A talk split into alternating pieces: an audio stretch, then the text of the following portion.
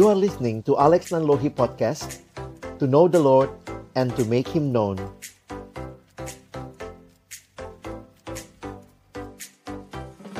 Mari berdoa sebelum membaca merenungkan firman-Nya.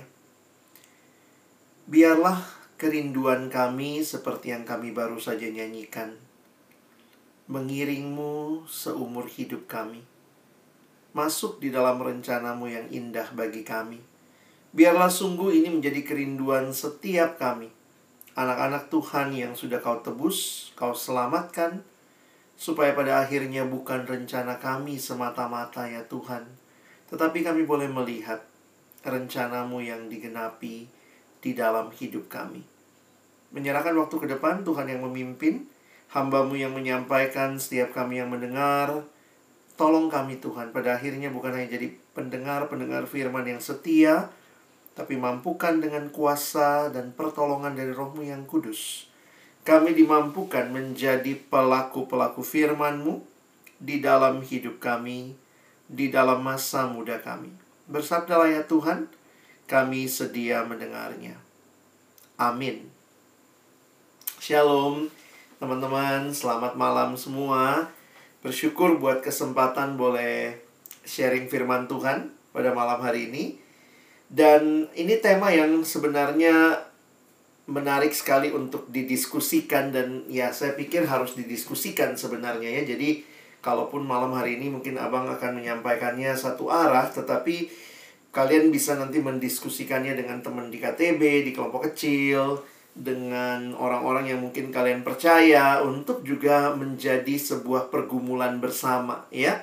Nah, Waktu bicara what is my calling, sebelum masuk ke bagian itu saya ingin kita melihat lebih mendasar terlebih dahulu tentang mengetahui kehendak Allah. Jadi kenapa Abang merasa itu penting? Karena sebenarnya dasarnya kalau kita bilang Tuhan apa sih callingku, saya akan uh, seperti apa ke depan? Sebenarnya salah satu pertanyaan yang paling dasar adalah Tuhan apa yang menjadi kehendakmu? Bagaimana saya bisa tahu itu yang Tuhan mau? Ya. Nah, karena itu Abang akan mulai dengan mengajak kita melihat beberapa prinsip penting di dalam kekristenan berkaitan dengan hal ini, ya. Nah, yang menarik pertama kali kalau kita melihat apa yang Alkitab sampaikan bahwa Allah adalah Allah yang menciptakan manusia.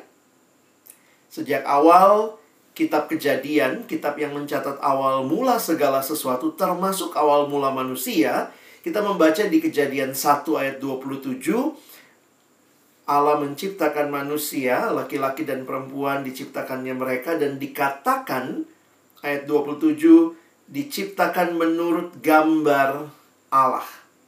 Jadi manusia adalah ciptaan Allah yang diciptakan segambar dan serupa dengan Allah atau menurut gambar Allah. Itu istilah yang digunakan. Sejak awal penciptaan, manusia bukan makhluk yang independen. Nah, ini mesti kita hayati. Kita bukan makhluk yang independen, kita makhluk yang eksistensinya bergantung kepada Tuhan. Jadi sebenarnya kalau kita bicara uh, Tuhan apa sih yang sebenarnya aku rindu ke dalam hidupku gitu ya. Kadang-kadang kita merasa begini. Ini rencanaku, Tuhan ini tolong ACC ya. Seringkali cara pandang kita adalah ini rencanaku, Tuhan tolong ACC. Tetapi kalau kita menghayati kita ini ciptaan, dari mana se se sebuah atau seorang suatu ciptaan mendapat tujuannya? Saya ingat kalau misalnya kita beli benda elektronik, teman-teman, maka waktu kalian beli benda elektronik itu biasanya disertai dengan buku panduan, buku manual. Siapa yang keluarin buku manual itu? Pabriknya. Pabriknya, penciptanya yang mengeluarkan buku manual itu. Jadi sebenarnya secara khusus kalau kita melihat dalam dunia cipta mencipta begitu ya, maka tujuan dari sebuah benda yang dicipta tidak terletak pada benda itu, tetapi kepada penciptanya. Jadi, kalau kita mengakui dengan kerendahan hati, tentunya harus belajar percaya dan mengaku Tuhan, aku ciptaanmu, maka sebenarnya bukan apa yang aku mau. Harusnya untuk mengetahuinya ya kita lihat apa yang Tuhan mau. Jadi gambarannya begini sebenarnya teman-teman ya. Ini premis dasar yang harus kita clear up di pikiran kita. Bukannya kita punya rencana lalu kita minta Tuhan ayo dong masuk di rencanaku. Tetapi sebenarnya Tuhan yang punya rencana dan Tuhan menciptakan kita masuk dalam rencananya Dia. Wah, ini gambarannya kayak apa ya? Mungkin gambarannya gini deh. Pada suka drakor nih kayaknya ya. Perempuan-perempuan drakor nih ya. Rocket Boys, Rocket Boys ya. Lagi heboh gitu ya. Nah, bayangkan misalnya ada penulis naskah terkenal drakor dan sutradara terkenal datang cari kamu Wah, lalu kemudian dicari orang untuk main di drama yang akan di ditampilkan tahun depan. Sudah mulai proses syutingnya nih. Wah, dan ternyata kamu terpilih jadi pemeran utama. Kamu jadi pemeran utama. Maka dikasihlah naskahnya sama kamu. Ya, kamu harus baca naskahnya, naskah yang dibuat oleh penulis naskah kamu harus mengikuti direction dari uh, direkturnya, dari sutradaranya. Nah, teman-teman, maka kalau kamu mau menjadi pemain drama yang baik, yang berhasil, ya ikutin naskahnya. Jangan bikin cerita sendiri gitu depan kamera, bikin cerita sendiri gitu ya. Enggak. Kamu harus ikutin naskahnya. Jadi sebenarnya it's not your story. Ini adalah cerita dari sang penulis naskah dan dia yang sedang mengundang kamu masuk melakoni ceritanya. Nah, saya menghayati kita punya penulis naskah agung, yaitu Allah. Dan Allah yang mengundang kita masuk di dalam ceritanya. Sehingga sebenarnya bukan cerita kita. This is not my story. This is not your story. This is not our family story. This is God's story di mana Tuhan mengundang kita masuk ke dalam kisahnya. Jadi sebenarnya indah sekali ya, walaupun mungkin banyak orang yang dalam situasi sekarang, wah kalau kita dicipta Tuhan berarti Tuhan sewenang-wenang dong sama kita ya. Tidak demikian. God created man in his own image. Yang lebih indah lagi bahwa, nah ini fakta berikutnya ya. Bahwa Tuhan rindu punya personal relationship dengan kita. Tuhan ciptakan kita supaya kita memiliki relasi dengan Dia. Dia bukan hanya pencipta yang menciptakan lalu kemudian neken-neken kita gitu ya, diktator harus lakukan, tetapi Dia memiliki relasi yang indah dengan kita. Dia membawa kita untuk masuk dalam relasi, menikmati relasi seperti itu. Makanya kalau kalian lihat sejak di Taman Eden, dikatakan Tuhan uh, bercakap-cakap dengan manusia ya Tuhan berbicara dengan manusia. Tuhan menyatakan dirinya, firmannya kepada manusia. Karena itu, teman-teman, kalau kita sekarang bicara my calling, sebenarnya pertanyaannya bukan apa yang saya mau, tapi kita harusnya bertanya apa yang Tuhan mau. Ya, itu itu lebih tepat. Kira-kira seperti itu perspektif dasarnya. Nah, karena Tuhan adalah Tuhan yang menciptakan kita untuk berelasi dengan kita, maka kalimat ini jadi menarik nih. Seorang bernama Nicky Gamble menuliskan pria dan wanita diciptakan untuk hidup dalam hubungan dengan Allah. Tanpa hubungan tersebut, akan selalu ada rasa lapar, sebuah kekosongan, dan sebuah perasaan yang hilang. Ini generasi colokan katanya ya. Kalian tuh lebih takut kalau colokan mati gitu ya. Atau uh, wifi mati gitu ya kayaknya habislah dunia kira-kira begitu ya nah generasi ini sangat butuh power source atau wifi begitu ya dan saya membayangkan waktu bikin gambar ini seperti itulah manusia tuh begitu dia butuh Allah tapi kalau dia terlepas dari Allah yaitu selalu ada rasa lapar sebuah kekosongan dan sebuah perasaan yang hilang. Nah jadi ini menjadi dasar kita membahas gimana tahu kehendak Tuhan, bagaimana tahu panggilan kita.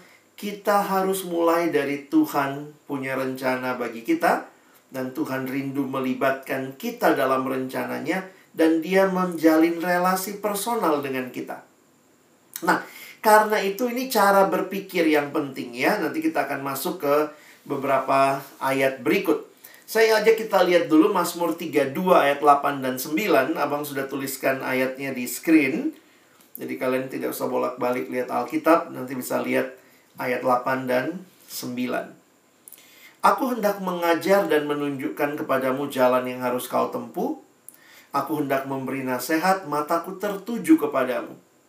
Janganlah seperti kuda atau bagal yang tidak berakal, yang kegarangannya harus dikendalikan dengan tali les dan kekang. Kalau tidak, ia tidak akan mendekati engkau. Nah, teman-teman ini adalah satu mazmur yang dituliskan oleh Daud yang menyatakan kesediaannya Tuhan untuk mengajar, menunjukkan. Jadi aku di sini adalah Tuhan ya. Aku hendak mengajar, menunjukkan kepadamu, aku hendak memberi nasihat dan seterusnya. Nah, hal kedua yang perlu kita clear up dalam pikiran kita. Kalau tadi gitu ya, eh, bukan kita yang punya cerita, Tuhan yang punya cerita ya.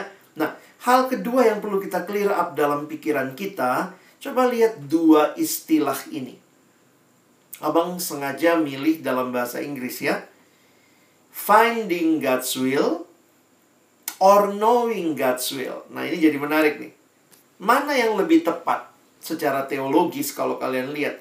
Sebenarnya saya sih nggak masalah ya pakai kedua-duanya, tapi kadang-kadang begini, cara berpikirnya jangan sampai salah.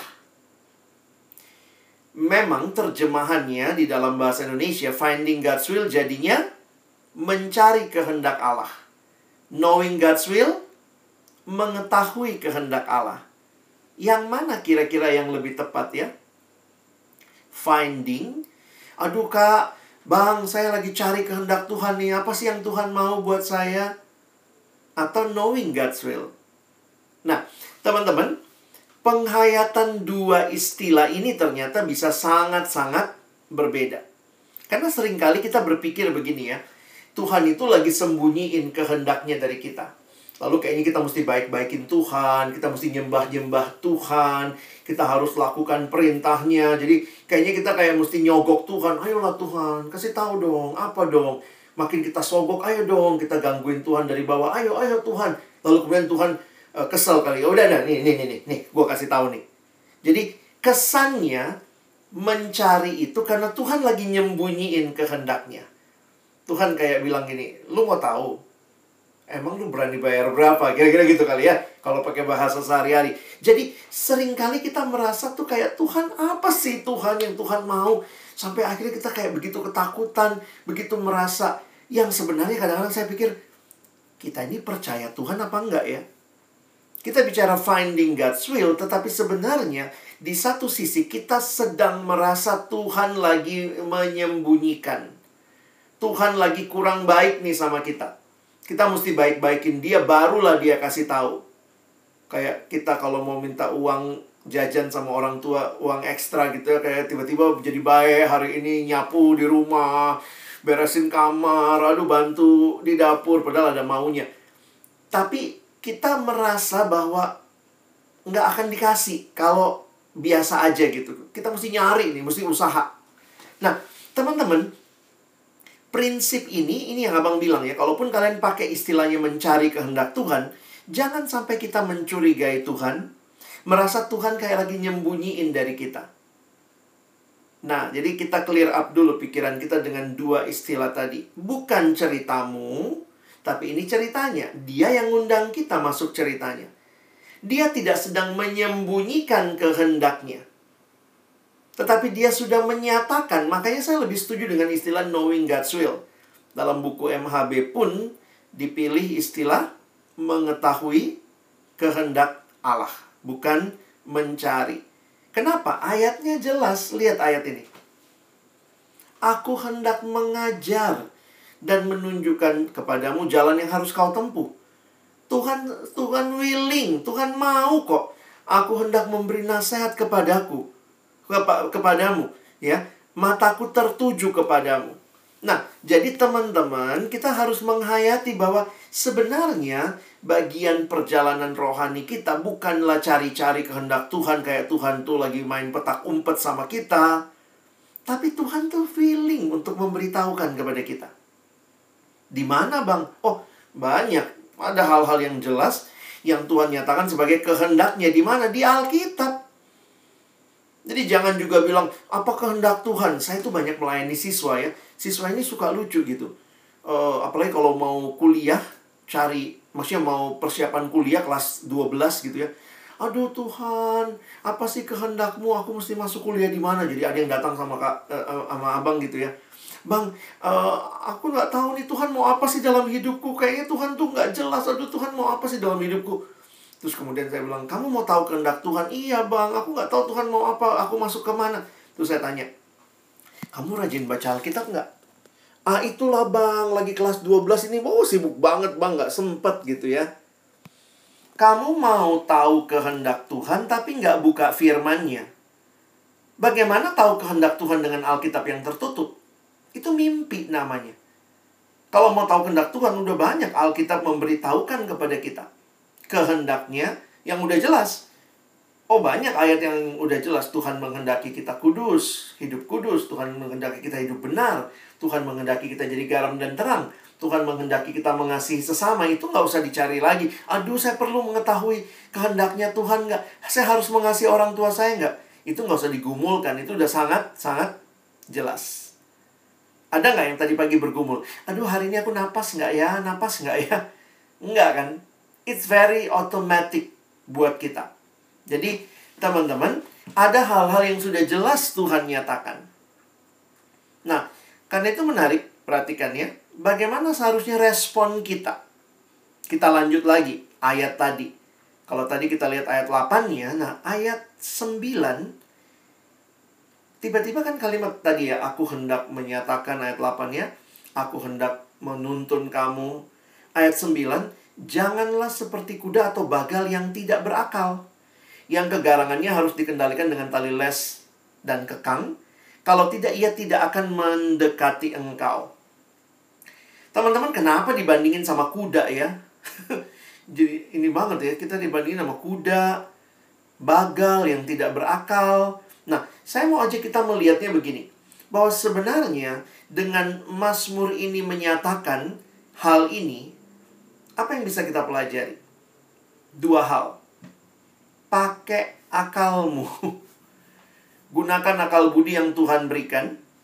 Dan pentingnya ketaatan. Coba lihat ya, nggak usah dikendalikan dengan tali les dan kekang. Jadi ini kan sampai mesti di, dikendalikan begitu rupa. Jangan seperti kuda atau bagal yang tidak berakal. Jadi untuk mengetahui kehendak Tuhan, ya pakai akal budi kita. Dan belajar untuk taat. Saya yakin Tuhan pun bekerja dalam hal-hal yang natural. Kadang-kadang kita pikir kalau kehendak Tuhan itu harus dinyatakan dengan apa kayak Gideon, gunting bulu domba gitu ya. Kita suka berasa, Tuhan mana dong, Tuhan mau apa dalam hidupku, apa apa callingku, maunya begitu baca Alkitab langsung. Masuklah dalam K3, anak FKM kan, masuk K3 supaya bisa keselamatan kerja. Nggak ada, kamu cari di mana? Ada K3 di Alkitab.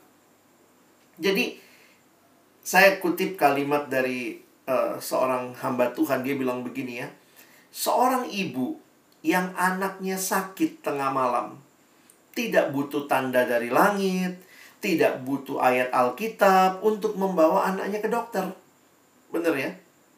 Itu kan secara akal budi orang sakit ya udah bawa ke dokter kira-kira begitulah ya jadi maksudnya kadang-kadang kita suka suka apa ya kita suka merohanikan segalanya Tuhan mau apa tuh? Nyatakan. Kadang-kadang kita sampai cari-cari ayat.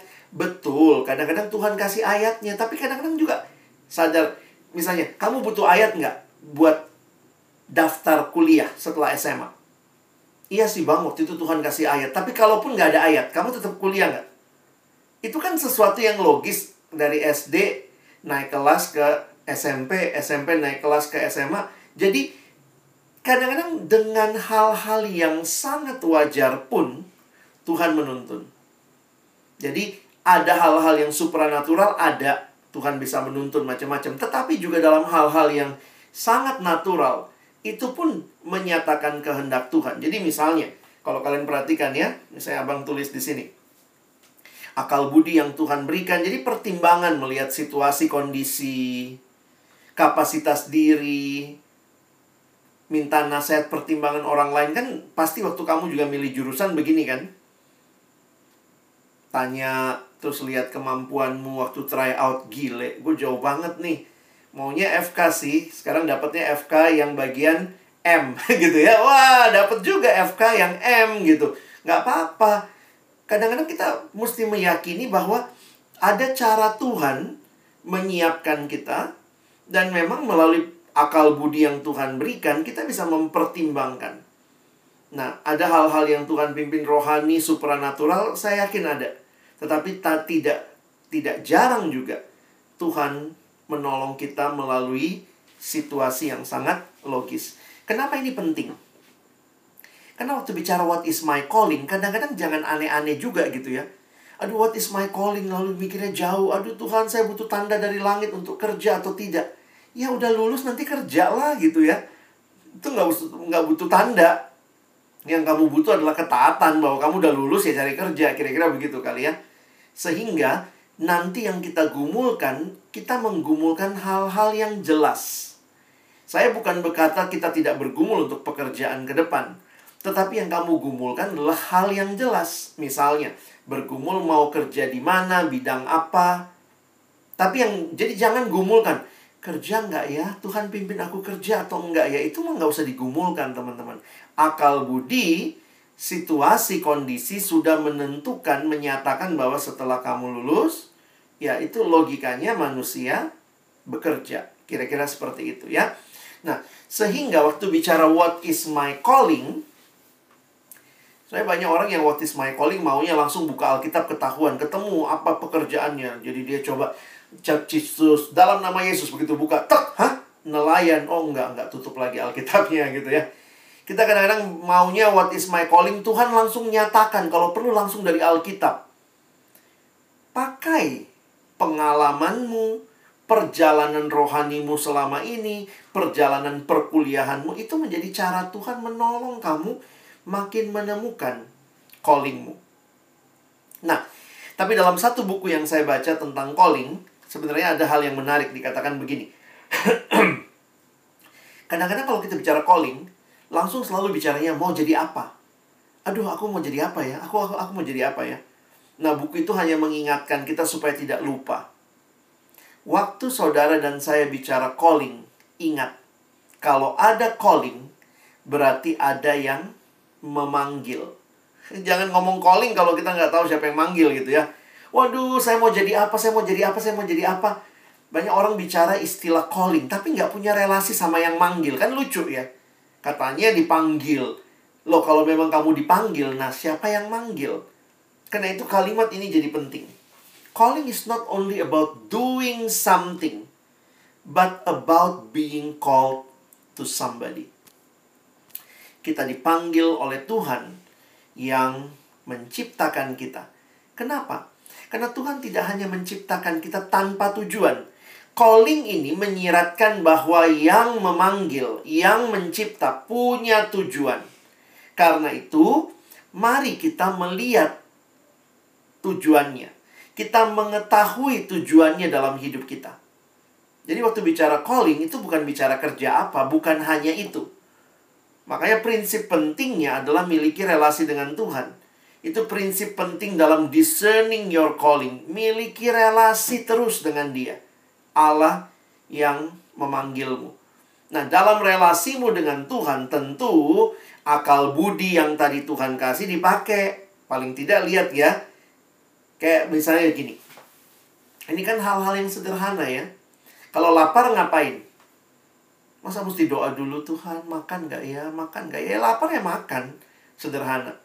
Nah, dalam kehidupan sering kali, karena abang banyak bimbing anak SMA ya. Coba, yang mana duluan? Logikanya kadang-kadang nggak nyambung, apalagi anak SMA sekarang tuh kalian juga mungkin gitu waktu masa SMA ya. Mau mau jadi apa? Nggak tahu. Jadi kadang-kadang bingung tuh waktu dulu waktu harus milih IPA IPS tuh itu bikin bingung. Orang tua bingung, anaknya bingung. Terus orang tua udah IPA aja bisa ke mana-mana gitu ya. Nah, sehingga kalau IPA tuh bilangnya uh, ada yang nanya sama saya, Kak Alex aku IPA atau IPS ya? Lalu yang sekolah kok gue yang pusing gitu ya. Terus saya tanya sama dia, kamu mau jadi apa? Nah itulah kak nggak jelas ya. Kalau nggak jelas ya bingung juga. Karena harusnya kalau kamu ngerti, misalnya saya mau jadi dokter, masuknya apa? IPA dong. Masuknya kuliah jurusan apa? Ya FK dong. Jadi sebenarnya logikanya harusnya kamu tahu dulu ujungnya. Kan itu logika berpikirnya ya. Memang banyak kita juga nggak tahu ujungnya sih. Kita juga nggak punya cita-cita. Pokoknya masuk-masuk aja syukur keterima di PTN lah ya. Uang kuliahnya lebih murah gitu. Tapi kalau bicara cara berpikir, nah ini yang teman-teman mesti belajar mikirin juga. Mulai dari akhir, start from the end. Tuhan, ini yang saya rindukan. Tuhan saya pengen misalnya jadi uh, orang yang bisa bekerja di di NGO ya kalau anak-anak FKM misalnya banyak di lembaga kemanusiaan maka dari situ kemudian dia bisa pilih tuh mau ambil jurusan apa mungkin dia juga milih bagaimana bidang bidang kesehatan seperti apa yang akan diambil begitu nah karena itu kita perlu melihat dengan jelas bagaimana menata semua ini dengan baik Nah, sekarang Abang kasih beberapa uh, cara pikir lagi ya. Saya banyak bicara cara pandang untuk memahami calling ini. Saya nggak hanya kasih contoh, saya mau bikin uh, bicara cara pandangnya yang penting juga teman-teman pahami. Nah, saya tidak melihat calling tidak sama menurut saya dengan job. Salah satu kesalahan yang saya rasa selama ini kita miliki adalah kita mengidentikan calling equal job. Bagi saya calling tidak identik dengan job karena calling itu terlalu luas. Job itu hanyalah salah satu bagian untuk memenuhi calling. Abang ulang ya. Nah, mungkin langsung aja deh pakai gambar biar lebih gampang ya. Kalau saya bilangnya gini, calling itu himpunan semestanya job itu salah satu bagian di dalamnya. Nah, teman-teman harus menghayati di Alkitab calling kita itu banyak. Contoh, di Alkitab ada nggak calling untuk berkeluarga? Ada kan? Panggilan untuk hidup, berkeluarga. Ada nggak panggilan untuk melayani sesama? Ada. Ada nggak panggilan untuk hidup kudus? Ada. Nah, pertanyaannya saya begini. Ada nggak job yang kerjaannya menikah? Kan ada ada calling berkeluarga. Bagaimana calling berkeluarga kalau diidentikan dengan job? Ada nggak job yang kerjaannya adalah merit, merit, merit, merit, memenuhi calling? Makanya kalau lihat gambarnya bagi saya begini nih. Saking besarnya calling Tuhan buat kita, ada yang dicapai di dalam job, ada yang dicapai di dalam keluarga, ada yang bahkan dicapai di dalam hobi. Nggak semua hobi itu sama dengan job. Enggak. Bahkan kita pun nggak bisa tutup mata. Kadang-kadang kan sekarang begini. Iya nih, kan pekerjaanku juga melayani Tuhan. Ya udah ya, saya hanya memenuhi itu di pekerjaan Tuhan. Eh, sorry, di pekerjaan sekuler. Saya melihat tetap pelayanan di gereja pun atau di pelayanan di kampus misalnya ya. Itu juga cara Tuhan untuk memenuhi callingnya. Gimana cara lihatnya? Nah, abang mungkin menghayatinya begini ya. Uh, kalau kita urutkan nanti jadinya begini nih. Jurusan ini karena buat anak SMA ya jadi jurusan kuliah job tapi calling itu lebih luas. Job itu cuma salah satu. Nah, saya kasih contoh. Abang punya temen dia tuh waktu menggali callingnya nah zaman kami kuliah dulu tuh salah satu yang sering kali diajarkan adalah mencari calling kita coba gali callingmu nah dia menemukan tuh Ya memang salah satunya adalah lihat kamu lagi kuliah apa. Itu kan juga salah satu bagian Tuhan membentuk kamu. Nah waktu itu ada temen, dia kuliahnya dokter gigi. Kuliahnya dokter gigi, tapi waktu dia menemukan, wah dia juga senang dengan anak-anak. Itu kan bagian yang dihayati juga. Terus dia senang gambar. Lalu ternyata dia juga menemukan dia punya uh, karunia untuk bagian uh, musik misalnya.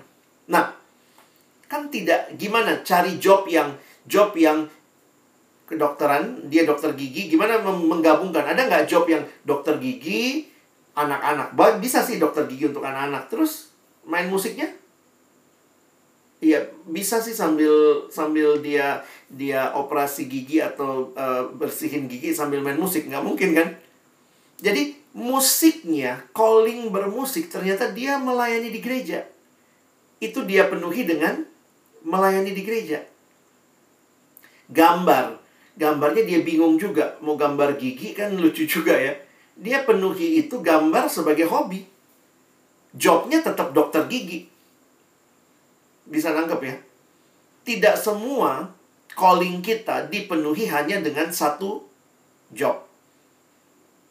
Nggak gampang soalnya. Realitanya di lapangan bahwa banyak hal tidak semuanya berjalan seperti yang kita mau. Saya bimbing seorang anak SMA waktu itu lalu kemudian ini untuk konteks anak SMA juga waktu itu dia bilang kak dia mau masuk jurusan gitar musik di sekolah musik ya entah ISI atau IKJ gitu ya jadi dia pingin sekali sekolah musik karena dia juga punya bakat itu dia menemukan kayak callingnya itu nah biasalah anak SMA ngomong begitu sama orang tua nah orang tua di Indonesia kan beberapa tahun yang lalu, hah? Pemusik, mau makan apa nak? Jadi orang tuanya bilang enggak. Orang tua mintanya anak jadi dokter. Wah, anak datang gitu ke Alex, gimana nih? Papa mama minta gue jadi dokter. Tapi aku senengnya musik, kak. Saya bilang, iya, kita mesti di sinilah kita berhikmat ya. Yuk kita gumul bergumul sama-sama. Realitanya di Indonesia anak itu masih dibiayai orang tua kan.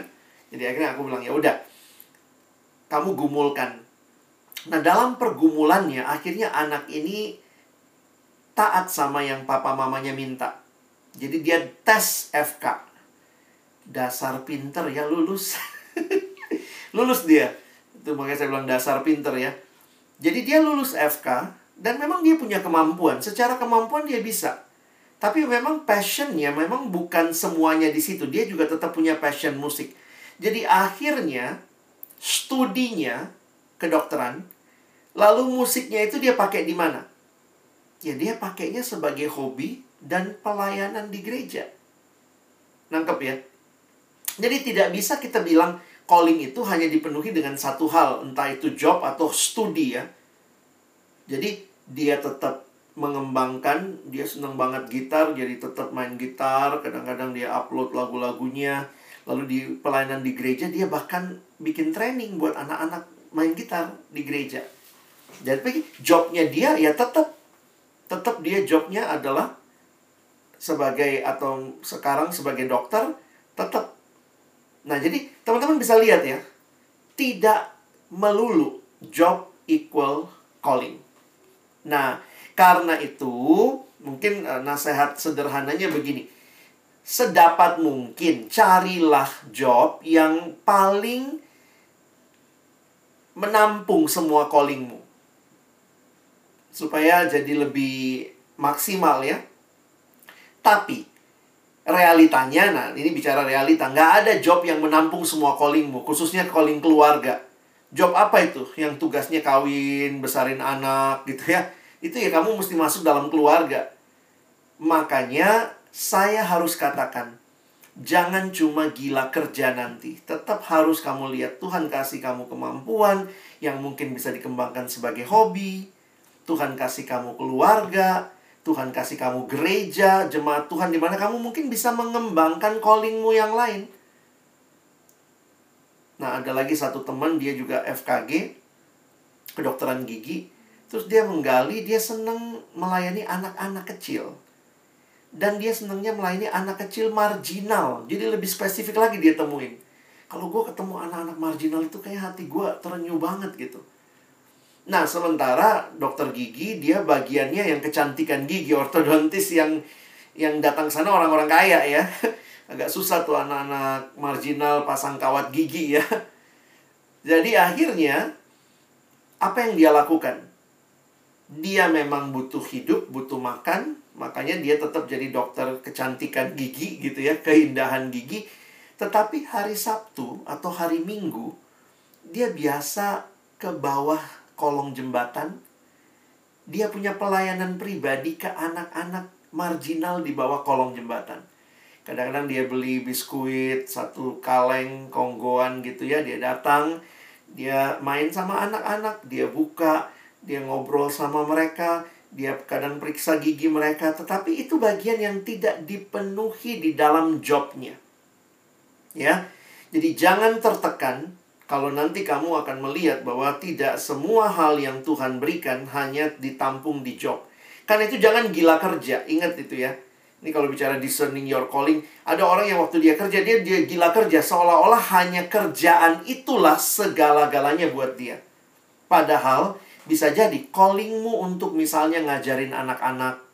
Kalau kamu K3, K3-nya nanti di perusahaan kerjanya. Apalagi dia mungkin perusahaannya itu uh, apa ya, keselamatan kerja dan segala macam nggak ada, tapi kamu juga sadar kamu punya beban buat anak-anak. Mau dicapai di mana ya? Kamu mungkin ambil pelayanan sekolah minggu di gereja kan itu calling yang Tuhan kasih juga. Tuhan asah dalam hidupmu. Jangan gila kerja seolah-olah hidupku calling my calling is my job. Saya pikir jangan seperti itu. Semoga ini jelas ya. Nah, bagian yang terakhir yang Abang ingin sampaikan bagaimana kira-kira kita bisa menemukan atau menggali calling kita ya. Jadi ada beberapa training yang biasa dilakukan. Nah, salah satu yang yang uh, training yang biasa bisa dilakukan adalah ini ya untuk menggali calling kita, ini bukan menggali ini tadi ya, bukan menggali job ya. Menggali calling kita, mungkin kita perlu melihat tiga hal ini. Nah, ini biasanya dilakukan dengan melakukan ada worksheetnya ya, kalian coba isi gitu ya. Nanti habis isi tanya sama orang yang kenal kamu. Misalnya orang tua, dosen, temen, ya tentu panggilan-panggilan kita eh, orang-orang yang kenal kita tuh yang berinteraksi sama kita. Jadi biasanya kita mesti isi sendiri dulu.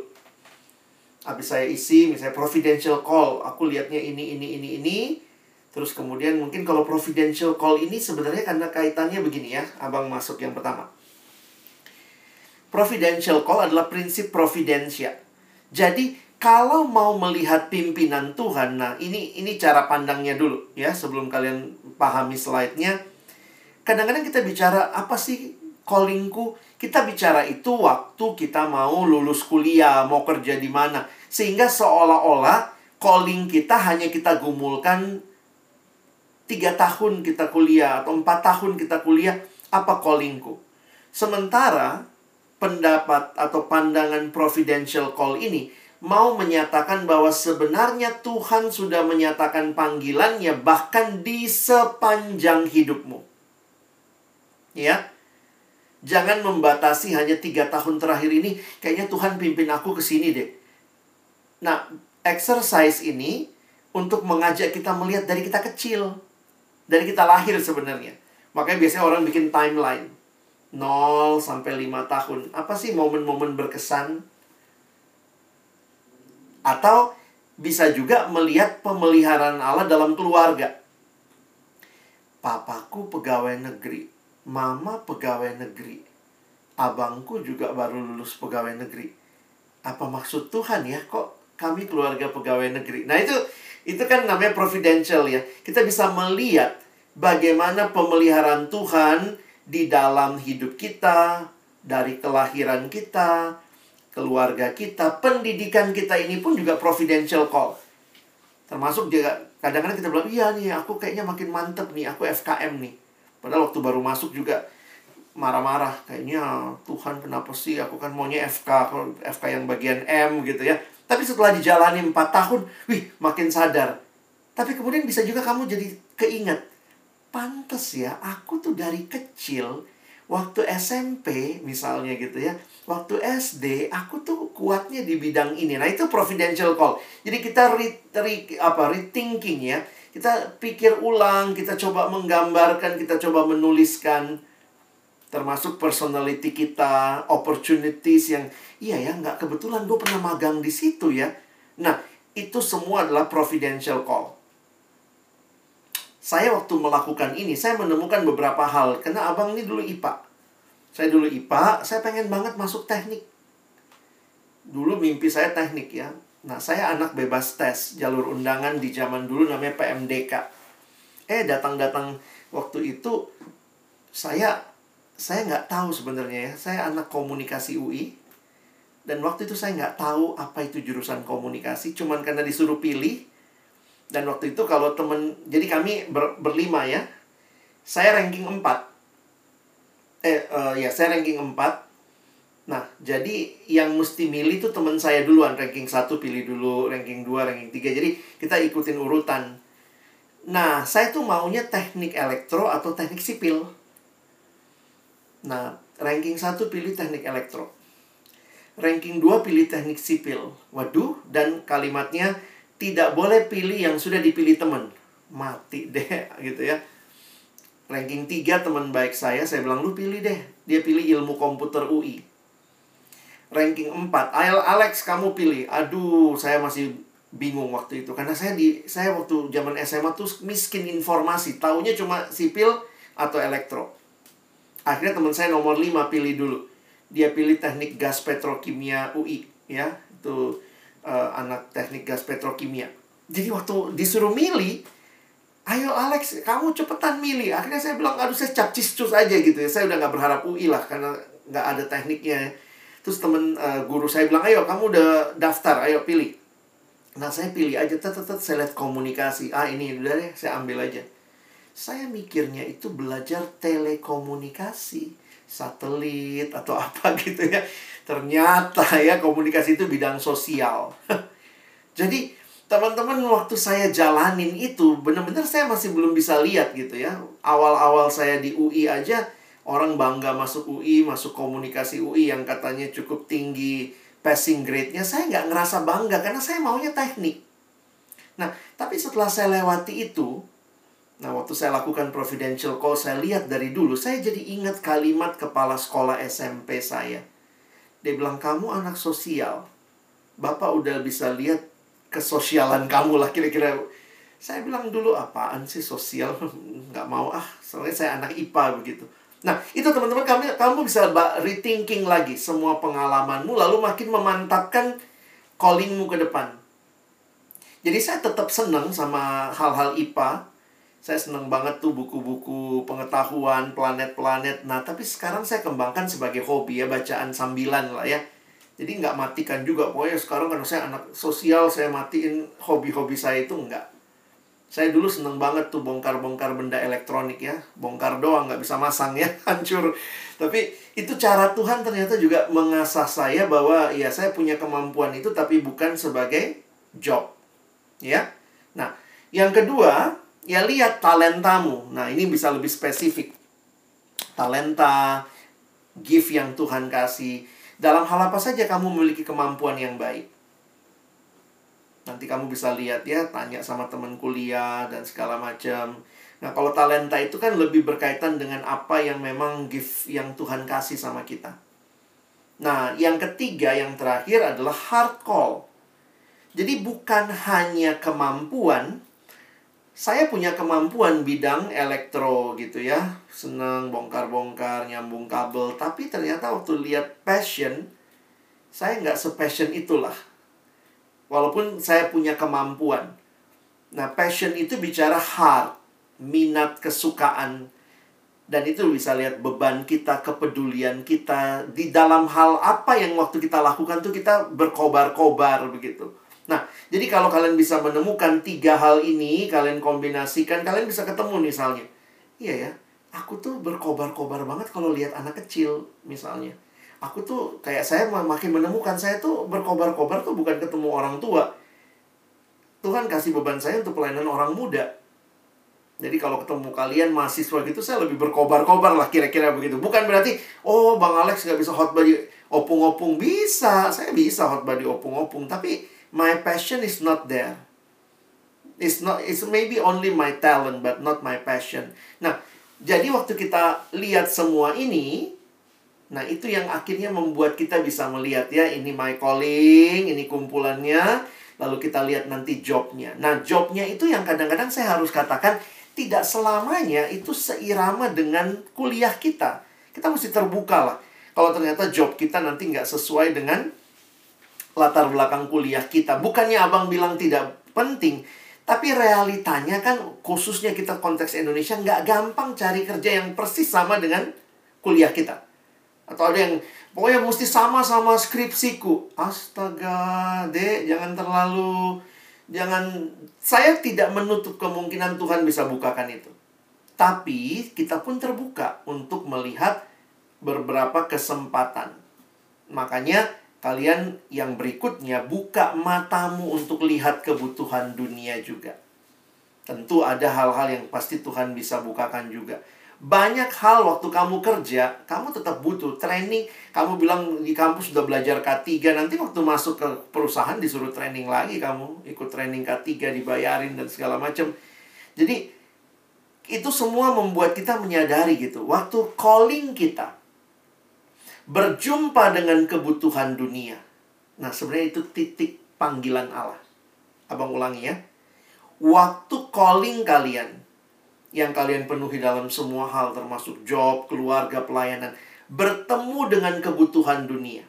Sebenarnya itulah titik kamu menjadi berkat dalam panggilan Allah. Jadi kalian mesti baca-baca tuh Indonesia butuh apa aja khususnya yang berkaitan dengan bidang FKM apa yang kita butuhkan? Dengan begitu banyaknya industri yang berkembang, mungkin keselamatan kerja. Nah, kamu lihat kebutuhan, kamu lihat callingmu, kamu tepat nggak? Jangan-jangan kamu bukan orang yang bisa kerja di lapangan. Itu kan kamu mesti kenal dirimu, your your talent. Beberapa teman ada, saya punya teman baik juga, dia insinyur atau sarjana teknik, tapi kemudian dia kena lupus. Seorang perempuan, jadi akhirnya sudah tuh menutup semua kesempatan pekerjaan di bawah sinar matahari hari langsung. Jadi walaupun dia punya ilmunya, punya ijazahnya, tapi dia punya kondisi kesehatan yang akhirnya membuat dia harus kerja di ruangan. Nggak mungkin kayak sarjana teknik lain di bawah matahari. Jadi itu semua teman-teman mesti peka lihat pimpinan Tuhan dan job itu bagi saya akhirnya bisa berubah-ubah. Job bisa berubah dong. Tapi calling itu yang sebenarnya jadi bisa jadi kamu dalam masa ini, kamu kerja, jobmu untuk memenuhi calling tertentu. Yang lain jadi hobi. Tapi saya ketemu loh beberapa teman pensiun. Karena kan di Indonesia usia 55 PNS pensiun. Begitu dia pensiun jadi PNS, sekarang dia lagi sekolah jadi pendeta. Gimana tuh? Kalau kamu bilang job itu seumur hidup, makanya kalau orang bilang calling equal job, Begitu dia ganti job berarti ganti calling dong. Enggak, bukan ganti calling. Callingnya terlalu besar hanya untuk ditampung di satu job. Jadi kalau papa mamamu nanti satu waktu pensiun, ya tiba-tiba mau berkebun, kadang-kadang pulang kampung mau bertani, ya udah, ih, masa dari direktur ini sekarang jadi petani? Kesannya kayak orang kalau ganti job tuh dosa turunan, oh dosa besar itu. Enggak. Kita harus bisa melihat betapa indahnya Tuhan memberikan calling yang luas. Dan kemudian job bisa berganti sesuai dengan pimpinan Tuhan bagi orang pada waktu itu. Oke?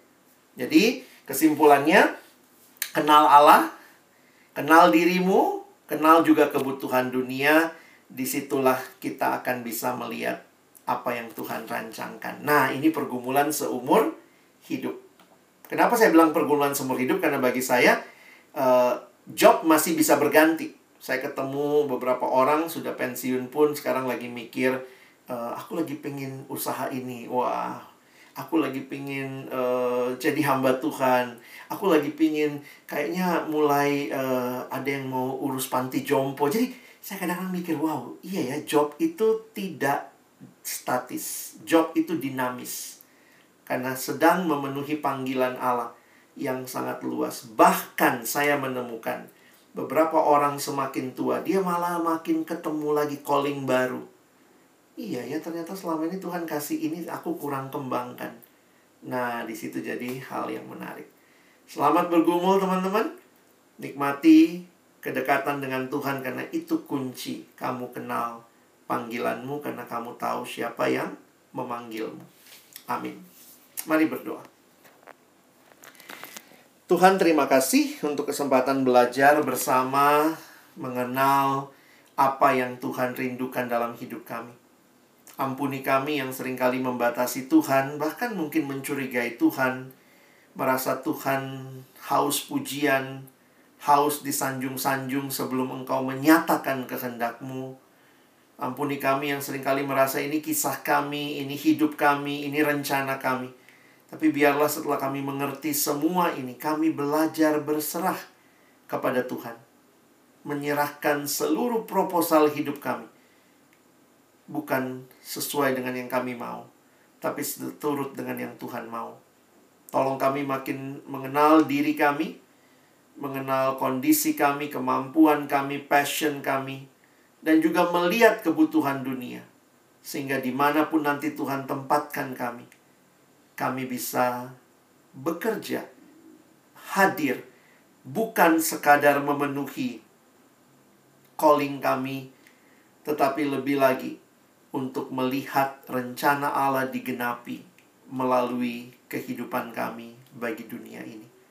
Kami bersyukur, berterima kasih dalam nama Yesus kami berdoa. Amin.